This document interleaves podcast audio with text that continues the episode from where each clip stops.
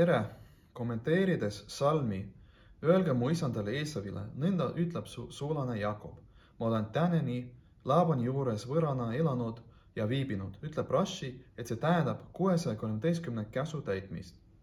jääb arusaamatuks, kuidas seletus, et kuussada kolmteist, mis on sõna karti, elanud, numbriline tähendus, on seotud salmi lihtsa tähendusega. Garti sõnast kirut olla võõras. Milleks Jaakob pidi Eesavile ütlema, et ta täitis kuuesaja kolmeteistkümne käsku ning mida meie saame sellest kõigest õppida. sõnad Laabani juures võõrana elanud tähendavad, et kõik Laabani aramealasega seotud asjad, härg ja eesel, kari, sulane ja teenija ei olnud Jaakobi jaoks midagi enamat kui karti, olen võõrana elanud. Need on olnud tema jaoks võõrad asjad. tema koduhing, kõik, mis on seotud toore käskudega ning kõik materiaalsed asjad pole tema jaoks midagi enamat kui võõrad selle kohta öeldakse edasi nädala peatükis, aga Jaakob liikus Sukoti, ehitas enne selle koja ja tegi oma karjadele lehtkatused. enne selle tähendab oma olemusele, hingele ja kõigile, mis temale kuulub, on Jaakob ehitanud koja, püsiva elamiskoha. oma karjadele ehitas Jaakob lehtmajasid, ajutist kodu, kuna hingel, eriti kui see asub üleval, pole materiaalseid asju tarvis ja seal pole mingisugust seost materiaalsusega. alles jõudes alla meie maailma omandab see materiaalseid asju. kuues Lubavitši Rebe rääkis Meseritši Magidi ütlusest, et kodus peab olema teisiti, kodus peab olema kõik, kuid reisil ei pane inimene tähele, et tema kodu ja tema mööbel pole nii ilus, kuna tema viibib reisil. tänu sellele on võimalik aru saada, kuidas salmi lihtne tähendus on seotud kommentaariga.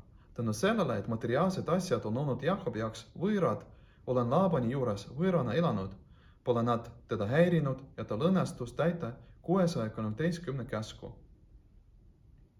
seda enam tänu sellele, et materiaalsed asjad on olnud tema jaoks võõrad, ei saa materiaalsus segada vaimsust, vaid vaimsust tõmmatakse materiaalsusesse sellise määrani, et materiaalsus muutub vaimsuseks ja pühaduseks. nagu on näha salmis, mul on härgi eesleid, lambaid ja kitsi, sulaseid ja teenijaid see kõik on olnud mul, see kõik kuulus Jaakobi olemusele. kommenteerides salmi, mul on härgi ja eestlaid, lambaid ja kitsi, sulaseid ja teenijaid, ütleb Midrash, et eesel vihjab kuninga Messiasele, nagu on öeldud prohveti Sakarias. ole väga rõõmus, Sioni tütar, hõiska, Jeruusalemma tütar, vaata, sulle tuleb sinu kuningas, õiglane ja aitaja. Tema on alandlik ja sõidab eesli seljas, ema eesli sälu seljas Messiase tulek sõltub pühaduse sädete leidmisest. see tähendab, et tänu sellele, et iga juut puhastab oma keha, loomuliku hinge ja oma osa maailmas ning kasutab neid pühaduse jaoks, tänu sellele tõmmatakse alla järelmaailma avamisi. selle tõttu jätkab Toora, ma olen tänini Laabani juures võõrana elanud ja viibinud. Mul on härgi, eestlaid, lambaid ja kitsi, sulaseid ja teenijaid.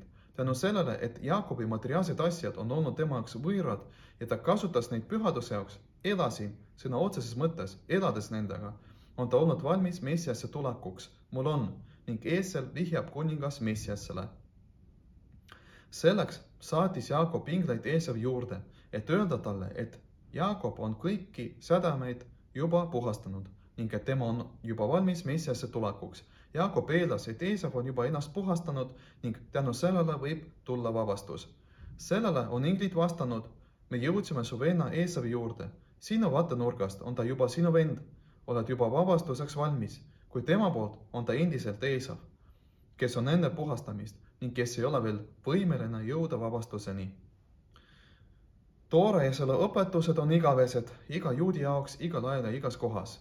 Õpetus igaühe jaoks on järgmises iga juut peab teadma, et kui materiaalse maailma vaatenurgast vabastust ei saa veel tulla, kuna maailm ei ole veel puhastatud, kuid juudi poolt peab ennast valmistama täielikuks vabastuseks koos kõikide oma aspektidega, lammaste, kitsedega, sulastega ja teenijatega.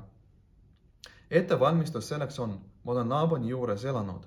peab teadma, et kogu maailm pole midagi enamat kui võõrana elanud, ma olen võõras maa peal.